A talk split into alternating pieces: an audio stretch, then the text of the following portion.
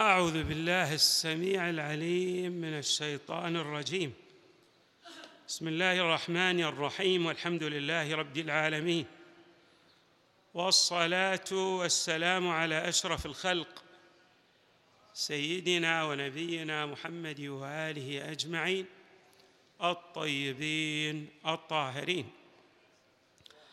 قال الله تعالى في القرآن الكريم وجعلنا منهم أئمة يهدون بأمرنا. لما صبروا وكانوا بآياتنا يوقنون. صدق الله العلي العظيم. اهتم الأئمة من أهل البيت صلوات الله وسلامه عليهم أجمعين بالجانب الأخلاقي في شخصية المسلم.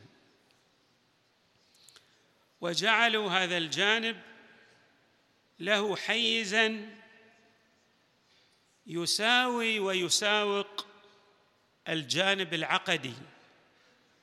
وما ذلك إلا لأهمية الجانب الأخلاقي في شخصية المؤمن. والآيات التي جاءت في القرآن الكريم تحض المسلم على التزكية والتطهير لنفسه هي في الحقيقة تفصح عن الجانب الأخلاقي. ومن الأئمة الذين أولوا أولوا هذا الجانب عناية فائقة الإمام الحسن عليه السلام. هناك بحث أخلاقي ويتضمن أيضا جانبا فقهيا ألا وهو المروءة. نجد المروءة تطرح في الرسائل العملية ويرتب عليها احكاما فقهية من جملة الأحكام الفقهية التي تترتب على المروءة أن العدالة ترتبط في بعض جوانبها لبعض الشخصيات بالمروءة بمعنى أن الحفاظ على المروءة له ارتباط وثيق بعدالة ذلك الشخص. في إمام الجماعة يذكر العلماء في الرسائل الفقهية هذا الحكم الفقهي أن إمام الجماعة قد يخل بعدالته اقتراف منافيات المروءة ارتكاب ما يتنافى مع المروءة. اولا نعطي إضاءة عن المراد بالمروءة. المروءة يمكن أن تعرف بالكمال الأعلى إذا صح التعبير أو ما فوق الوسط في الجنبه الأخلاقية بمعنى أنه لا يكتفى في بعض الشخصيات أن يحافظ فقط على التقوى بمفهومها العام. لابد أن يجسد درجة عالية في تقوى الله بحيث لا يقترف اعمالا يراها العرف أنها غير لائقة بشخصيته. مثلا نطرح مثالا لو رأينا عالما يركض في الشارع وهو لابس لباس فقط يستر العورة. هذا لا يليق بالعالم. أن يراه الناس وهو يركض في الشارع صحيح هو ساتر لعورته ولكن هذا ليس من اللائق به.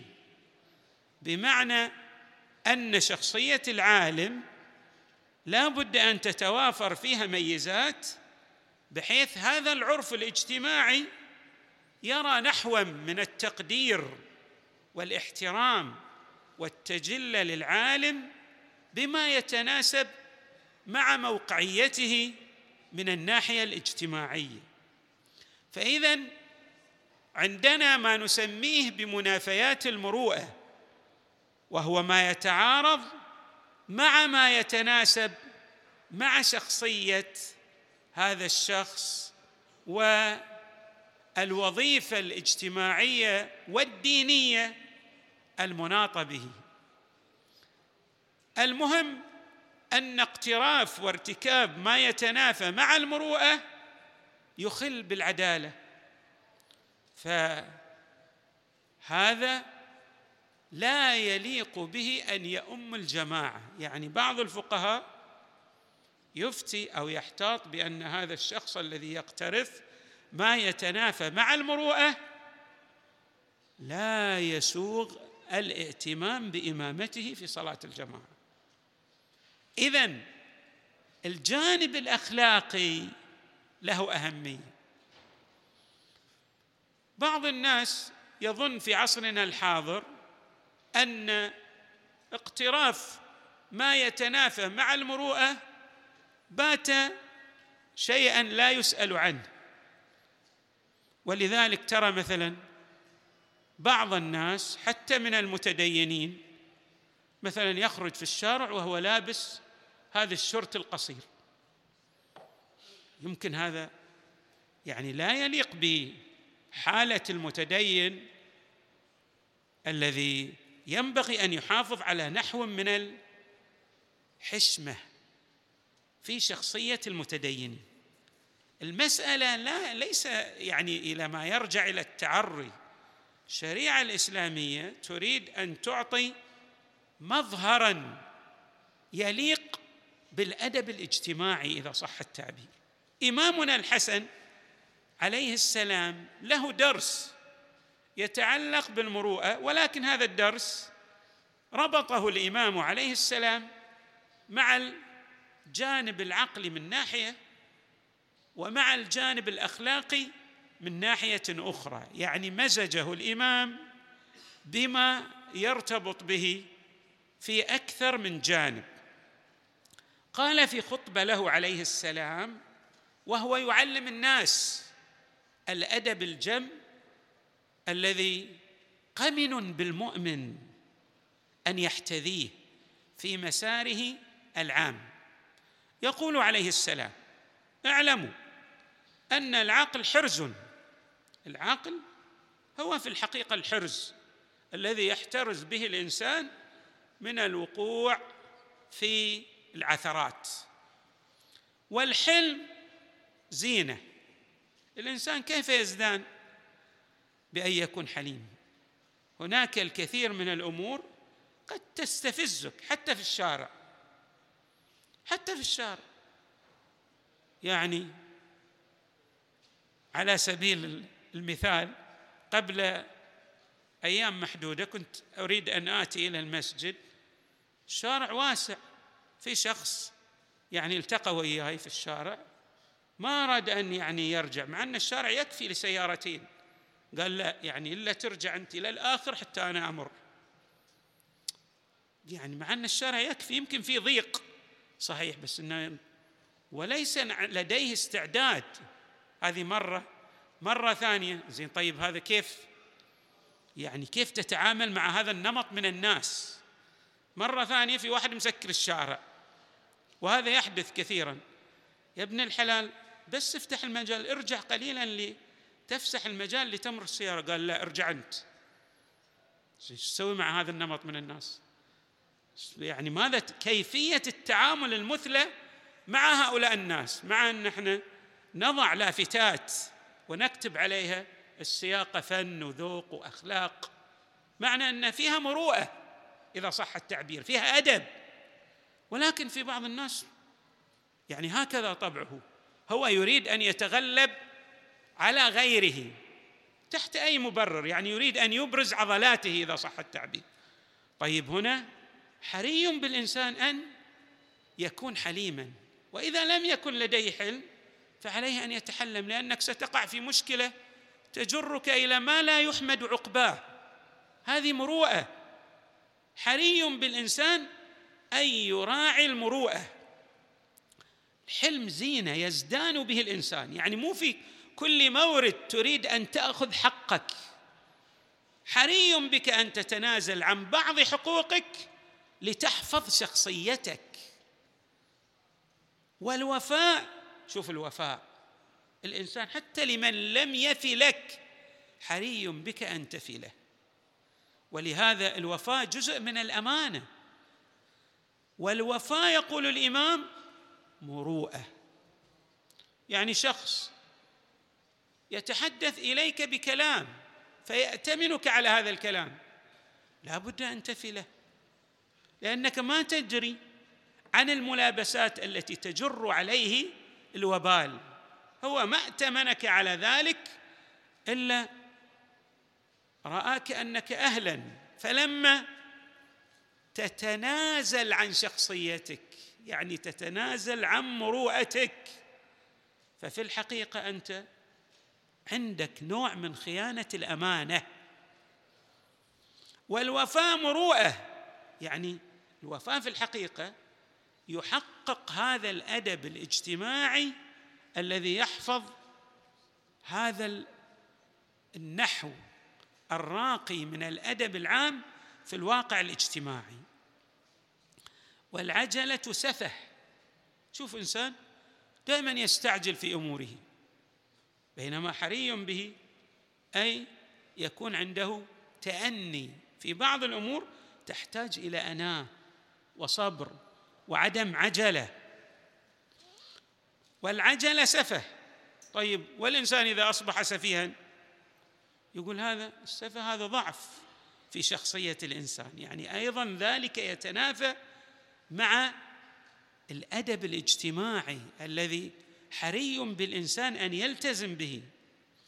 ومجالسة أهل الدناءة الناس الذين لا يبالون أن يقترفوا ما هم مقترفون. ما عنده إشكالية أن يقترف أي عمل. هذا الشخص إذا جالسته تسين نفسك بدل أن تعطي لنفسك وساما أو عقدا من الزينة أنت في الحقيقة تحط من قدرك بمجالسة هؤلاء الناس إلا أن تريد أن ترفع من مستواهم الأخلاقي. ومخالطة أهل الفسوق ريبة. الانسان الذي يمشي مع أهل الفسق حتى إذا كنت أنت من المستقيمين في سيرتهم لكن هذا يجلب عليك بفسقه شيئا من كلام من لدن الغير. ومن ومن استخف بإخوانه فسدت مروءته. هذه مطلب أيضا يتعلق بالمروءة. الذي يتصف بالمروءة دائما يحترم غيره. عند احترام جم لشخصيات من يغايره. حتى إذا كان يختلف معك في الثقافة والفكر. والأمور الأخرى. حري بك أن تحترم غيرك. ولهذا الآن نحن توا فتحت المدارس. علينا أن نعلم أبناءنا وبناتنا نعلمهم هذا الأدب الجم ألا وهو احترام المعلم. هذا من الأدب. بعض الناس تشوفه تلميذ يبرز عضلاته أمام استاذه والحل أن الأستاذ هو بمثابة أحد الأبوين بالنسبة إليك. حري بك أن تتصف بالمروءة يعني بالأدب الجم. في تعاملك مع أساتذتك. والإنسان إذا لم يتعامل بهذا الأدب سبحان الله مثل ما نعبر إحنا في الاحساء بهذا المثال الجميل نقول الله ما يطق بعصا. الله يسلب الإنسان هذا التوفيق. تشوفه قد يكون من أذكى الناس ولكنه لا يوفق. لا يوفق. الله يسلب الإنسان الذي لا يحترم أساتذته التوفيق. ما تراه يتوفق. قد يحصل على أعلى الشهادات ولكن لا يتوفق في رزقه وقد تحصل له ماذا؟ عقبه كاداء أصلا لا يستطيع أن يكمل مسار دراساته. والسبب هو عدم الاحترام لأساتذته. هناك آثار وضعية لترك ما يتنافى مع الآداب. ولهذا جاء قوله تعالى فليحذر الذين يخالفون عن أمره أن تصيبهم فتنة أو يصيبهم عذاب أليم. الفتنة ما معناها؟ الاختبار العذاب الأليم في الآخرة. يعني عندك عثرات في عالم الدنيا وبعض العثرات كأداء. إذا أصيب بها الإنسان لا يستطيع أن يجتاز هذه العثرة. يعني تعطل مساره نحو كماله.